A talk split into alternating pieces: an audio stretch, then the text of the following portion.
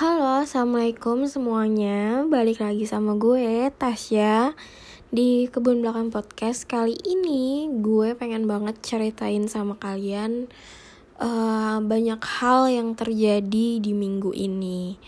Minggu ini, bulan ini, gue lagi bang males banget buat nulis jurnal. Kalau lo tahu dan ya bulan ini mood gue bener-bener naik dan turun banget. Seperti yang lo tahu gue kan juga lagi konsul dengan psikiatri. Jadi ya gue pengen sharing sedikit tentang hari-hari gue ketika konsul sama psikiatri. Uh, gue konsul di salah satu rumah sakit swasta di uh, daerah Bogor, Kabupaten Bogor lebih tepatnya. Terus juga gue itu menggunakan sistem bayar BPJS. At least gue nggak bayar sama sekali. Jadi pure dibayarin sama BPJS. Hmm, untuk caranya sebenarnya lumayan agak protokolnya lumayan banyak jadi gue nggak akan gue ceritain di sini.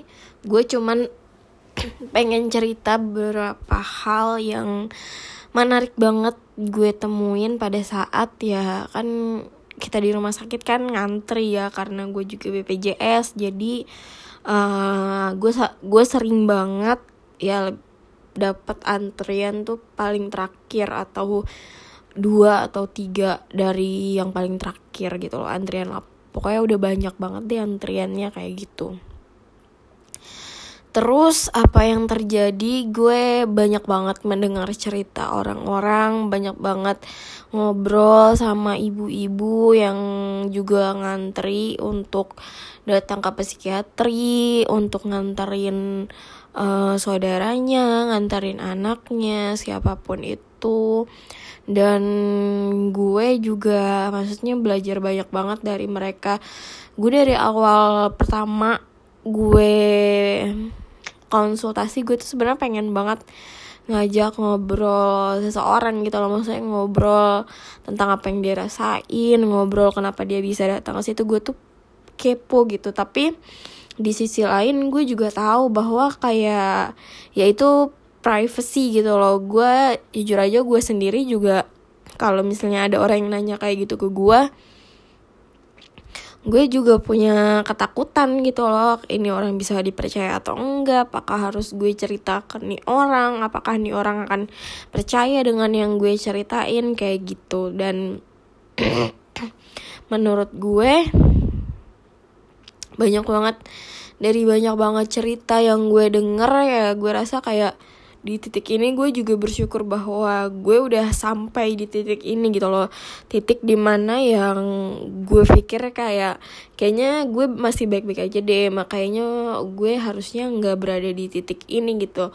Tapi ternyata ya gue di sana di tambah bersyukur gitu bahwa langkah yang gue ambil untuk diri gue sendiri ini adalah langkah yang tepat bahwa memang diri gue ini sedang membutuhkan bantuan gitu loh. Jadinya ya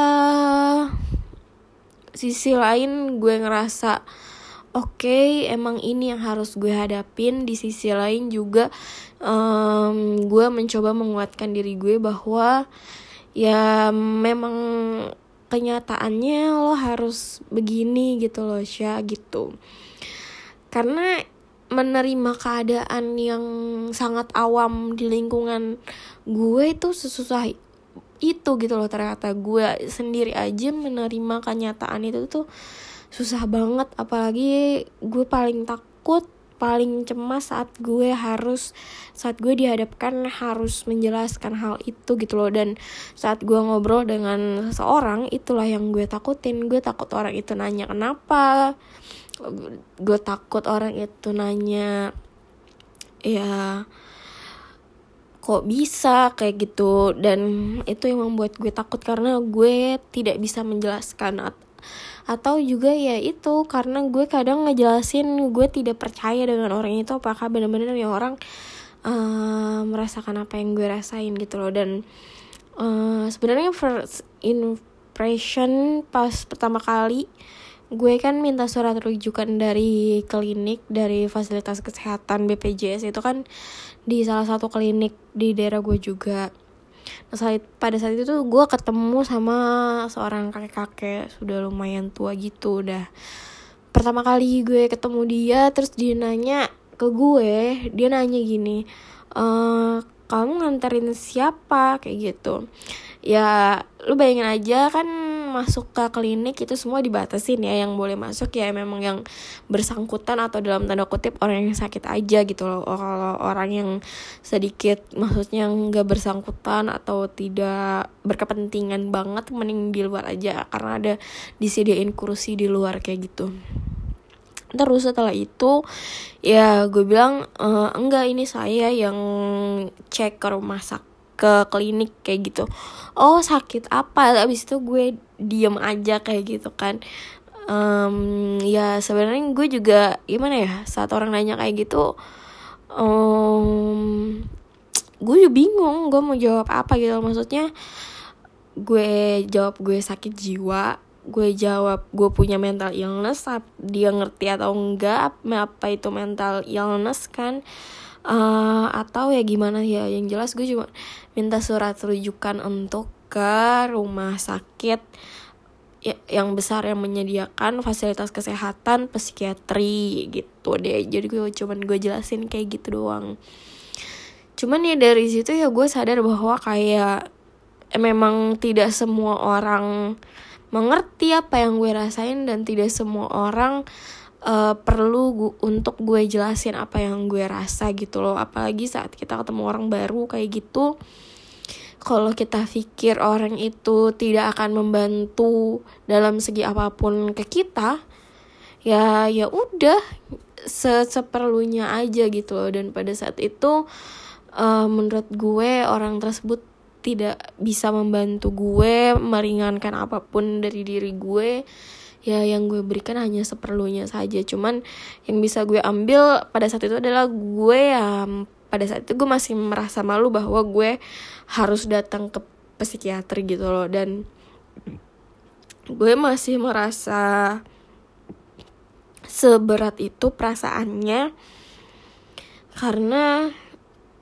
ya gue masih takut aja gitu loh dengan stigma-stigma di lingkungan luar. Apalagi kan yang gue temuin pada saat itu kan kakek-kakek gitu kan orang udah tua dan beberapa ibu-ibu gitu. Jadi um, gue takut apa ya jadi malah ngebuat canggung keadaan situasi di situ. Terus setelah itu setelah gue dari vaskes itu gue kan langsung ke rumah sakit besar. Nah gue datang ke rumah sakit besar pertama kali itu sama adik gue. For your information pertama kali gue ke psikiatri itu sebenarnya gue pakai duit pribadi dan um, Iya sama adik gue. Jadi gue belum ngurus BPJS Jadi ini sebelum gue ngurus BPJS Sebelum gue ketemu si kakek-kakek itu. Uh, Itu kondisinya adalah gue udah bener-bener putus asa udah nggak tahu harus gimana dan ya gue minta tolong adik gue untuk nganterin gue ke rumah sakit itu. Dan ya karena gue kan juga nggak tahu prosedur rumah sakit kayak gimana terus ketemu dokternya kayak gimana uh, dipermudahnya karena di itu dipermudahnya karena ya itu apa namanya gue pada saat itu gue tidak menggunakan BPJS jadi gue bisa langsung datang aja terus ke suster yang jaga di di poli kejiwaan itu terus langsung ya daftar nama kayak gitu. Nah setelah itu kan pertama kali itu masih dianterin adik gue masih oke okay lah ya. Maksudnya gue masih ada temennya. Tidak nggak sendirian banget setelah beberapa lama gue berangkat sendiri. Jadi gue ke psikiater sendiri jujur aja kalau misalnya gue datang ke psikiater tuh rasanya entah sama adik gue entah gue sendiri itu super deg-degan banget. Nggak tau kenapa kayak mau terjadi sesuatu gitu loh. Kayak mungkin kayak lebih dari mau ujian gitu loh. Malah kadang gue ujian tuh lumayan deg-degan sih tapi kayak nggak deg-degan banget kalau ya, pada saat itu tuh kayak deg-degan banget kayak gitu. Uh, dan pertama kali datang sendiri um, gue inget banget duduk ada ada ada seorang ibu-ibu duduk di sebelah gue kayak kan dipisahin kayak ada dipisahin satu kursi terus baru bisa duduk lagi kan gara-gara corona. Jadi ada sesuatu ibu di situ dia duduk juga. Terus ya eh, nggak uh, ngobrol sih sama gue cuman kayak kontek-kontekan eye contact doang gitu loh kayak senyum-senyum gitu doang. Um, terus uh, abis itu gue dipanggil untuk ya dat masuk ke ruangan. Setelah gue inget banget matanya tuh setelah gue keluar dari psikiatri tuh kayak apa ya kayak heran banget gitu loh ngeliatin gue tuh kayak oh nih orang abis dari ruang kejiwaan poli kejiwaan. Gue tuh rasanya tuh kayak gitu. Jadi kayak gue gue nya kayak canggung gitu loh. Kayak gimana gitu ya, ya yang gue lakuin ya cuma ya udah senyum aja kayak gitu. Setelah itu pertama kali gue dat datang ke dokter yang sore. Dan kan ada dua dokter di rumah sakit tersebut. Ada dokter yang pagi ada dokter yang sore. Nah yang pertama kali gue itu udah datang ke dokter yang sore ini nah bisa datang yang ke dokter yang sore ini karena gue mau kuliah segala macam kan gue kuliah itu jamnya jam sore kan. Jam sore nyampe malam gitulah. Terus gue rasa kayaknya gue juga kurang cocok sama dokternya. Terus juga karena kuliah itu jadi gue mending nyobain dokter yang uh, pagi ini. Akhirnya gue ke dokter yang pagi ini. Jujur aja um, lebih oke okay, menurut gue gue lebih nyaman sama dokter ini.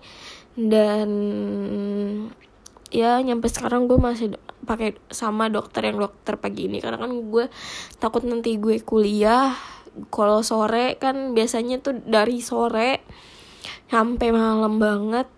Nah gue takut waktunya tuh nggak pas karena gue harus kuliah. Jadinya gue memutuskan untuk yang pagi ini aja begitu terus setelah itu beberapa kali gue selalu datang sendirian ke psikiatri. Pernah sama uh, orang tua gue sama ayah gue dengan harapan uh, mereka orang tua gue ayah gue gitu mengerti dengan kondisi yang gue hadapin. Tapi ya apa ya yang terjadi ya kayak ya udah aja gitu loh. Maksudnya mengerti ya ya udah gitu loh. Maksudnya nggak yang mengerti mengerti banget atau nggak yang cuek terus cuek banget gitu loh. Ngelarang larang banget nggak kayak ya udahlah terserah kayak gitu. Dan ya honestly menurut gue ya udah aja sih gue maksudnya walaupun tidak sesuai dengan yang gue harapin tapi seenggaknya ya mereka nggak ngelarang gue gitu loh. Jadi ya sudah. Terus setelah itu gue bertemu dengan beberapa orang beberapa ibu-ibu yang menurut gue kayak menguatkan gue juga bahwa jalan yang gue ambil ini dari jalan yang ya udah tepat gitu loh lo berurusan dengan tangan yang tepat lo berada di jalan yang tepat gitu lo kayak Allah tuh nunjukin ke gue Enggak kosya, lo tuh udah bener lo di sini aja, lo akan baik-baik aja di sini. Lo pengen hidup lo tenang kan? Ya udah, lo hadapin ini walaupun walaupun keadaannya istilahnya kayak gue sekarang dibanding temen-temen gue yang lain, gue kayak mundur jauh banget dari mereka, dari pencapaian mereka gue mundur jauh banget dari yang mereka udah dapetin mereka kerja segala macam. Tapi gue mengisi kekosongan yang udah bener-bener lama kosong gitu istilahnya dari dulu udah lama kosong.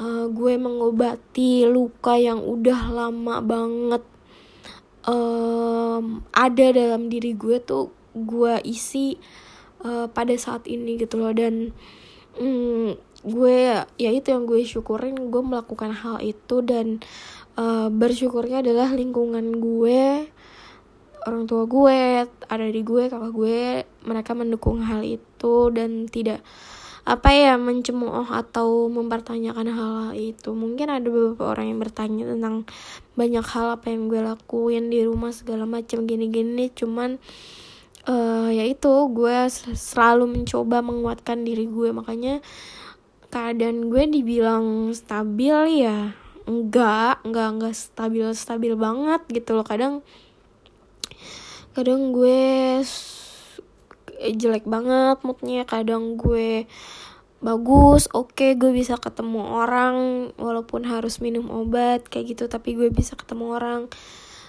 Tapi kadang juga enggak. Ya that's kenapa gue harus itu. Dan juga kayak ada beberapa pasien di rumah sakit itu yang memiliki penyakit namanya tuh skizofrenia kayak gitu. Dan kayak dia memang udah lama banget gitu loh. Maksudnya itu ibu yang mengalami penyakitnya itu anak. Yang ngobrol sama gue itu ibunya gitu loh. Dan sekarang udah membaik banget gitu loh keadaannya. Dan dan gue kayak si ibu ini tuh menguatkan ada ada mbak-mbak juga yang baru konsultasi mungkin kayak bulannya sekitar runs mirip kayak bulanan beberapa waktu gue juga konsultasi gitu loh. Jadi kita mengalami hal yang sama terus ibu ini menyemangati mbak yang lainnya itu terus gue denger dan um, jujur aja pada saat gue mendengar kata-kata itu gue merasa kayak dikuatkan juga gitu loh. Dan gue juga merasa tersentuh gitu loh bahwa kayak ibu itu bilang ya kamu tuh hebat udah datang ke sini dengan keadaan kayak gini dikuatkan diri sendiri gitu loh. Maksudnya kayak kamu gak punya siapa pun kamu cuma punya diri kamu sendiri dan kamu aware dengan hal itu kayak gitu. Jangan pernah patah semangat percaya kalau kamu tuh bisa sembuh percaya bahwa semuanya bakalan baik-baik aja. Uh, pasti ya semuanya akan ada waktunya gitu loh. Dan ya itu buat gue juga ngerasa tersentuh gitu loh karena perjalanan gue dari yang dari titik yang istilahnya gue nggak tahu harus gimana nyampe di titik yang begini gitu loh. Walaupun kadang gue masih sering comparing dengan orang-orang lain gitu tapi gue tetap merasa bersyukur gitu loh berada di titik ini. Dan gue pengen banget temen-temen yang lain yang merasakan hal yang sama dengan gue merasa terbantu dengan gue speak up di Instagram. Gue pengen juga orang-orang aware dengan keadaan mereka kalau mereka butuh bantuan atau tidak. Karena apa ya itu tuh kalau nyampe lo benar-benar terganggu itu tuh amat sangat mengganggu kehidupan lo amat sangat ngeganggu aktivitas lo yang yang istilahnya lo bisa ngelakuin 200-300% dari yang terjadi tapi itu terganggu gara-gara hal tersebut. Dan gue mengalami hal itu gitu loh saat gue suka banget sama ngelukis, suka banget sama desain, nyampe akhirnya keadaan yang gue hadapin itu membuat gue malah membenci hal-hal itu gitu loh. Jadi malah ngebatasin diri gue sendiri dan hmm, gue pengen orang-orang aware sih sama hal kesehatan mental dan apa ya bukan hanya kesehatan mental tuh bukan hanya masalah lo kurang ibadah atau lo kurang iman gitu loh. Karena lo ya lo pikir aja mana ada orang di dunia ini yang imannya selalu naik yang imannya selalu stabil. Pasti kan setiap orang imannya naik dan turun juga gitu loh. Begitupun juga dengan kesehatan mental. Kesehatan mental juga kayak gitu bisa naik dan bisa turun. Dan ya saat lo iman lo turun atau kesehatan mental lo turun ya lo harus butuh bantuan sama ketika iman lo turun lo juga butuh nasehat atau lo butuh ibadah kayak gitu. Dan dua hal um, ibadah dan kesehatan mental menurut gue dua hal yang berbeda tapi bisa saling menguatkan. Maksudnya saat lo punya kesehatan mental yang jelek ibadah ini bisa membantu lo gitu. Maksudnya ibadah itu menurut gue jangan sampai lo kehilangan harapan jangan sampai lo saat lo saat gue sakit nih dengan keadaan kayak gini gitu loh kan logikanya kayak tanda kutip tuh sakit gitu kan. Jangan sampai gue kehilangan harapan untuk hidup gitu loh. Jangan sampai gue kehilangan harapan untuk beribadah gitu loh. Jangan sampai gue kehilangan harapan untuk berbuat baik. Jangan sampai gue kehilangan harapan untuk melakukan banyak hal yang sebenarnya uh, ya bisa gue lakuin gitu loh.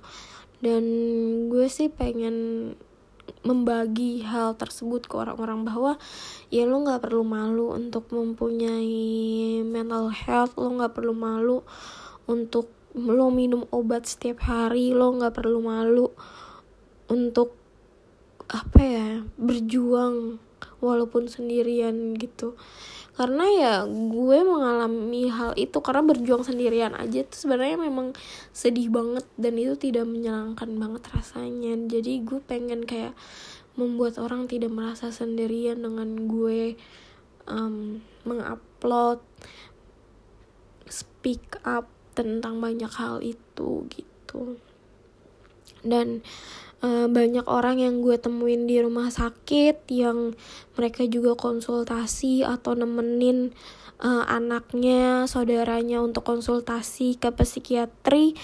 Mereka juga menurut gue adalah penyemangat gue juga pribadi gitu loh bahwa um, mereka aja bisa sembuh gue juga bisa sembuh gitu loh.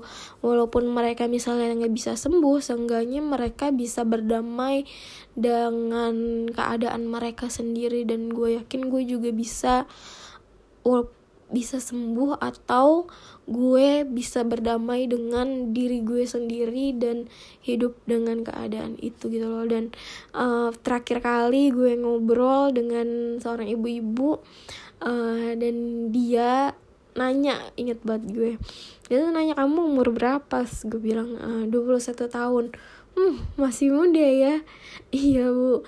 Terus udah menikah belum menikah kan? Dia ngomong gitu. Iya belum. Iya nanti kamu kalau misalnya mau menikah kamu cari orang yang udah sabar gitu. Suami ibu juga alhamdulillah sabar banget ngadepin ibu dengan keadaan kayak gini. Harus ke rumah sakit kayak gitu. Di beliau juga sabar menghadapinya terus juga nyemangatin ibu kayak gitu. Nanti kamu cari suami yang sabar yang bisa nerima kamu keadaan kamu diri kamu apa adanya. Dan um, memang akhir-akhir ini lo tahu keadaan gue tuh takut banget dalam pernikahan. Gue takut banget dengan keadaan gue apakah ada orang seorang laki-laki yang menerima keadaan gue kayak gini gitu. Jadi gue kayak berpikir um, kayaknya kalau keadaan gue kayak gini nggak mungkin ada orang yang menerima gue. Dan kayaknya gue nggak akan menikah aja kali ya. Gak usah menikah juga nggak apa-apa kayak gitu. Dengan harapan gue menguatkan diri gue bahwa kayak ya udah sih lo kalau misalnya lo nyampe nggak menikah juga nggak apa-apa kok kayak gitu.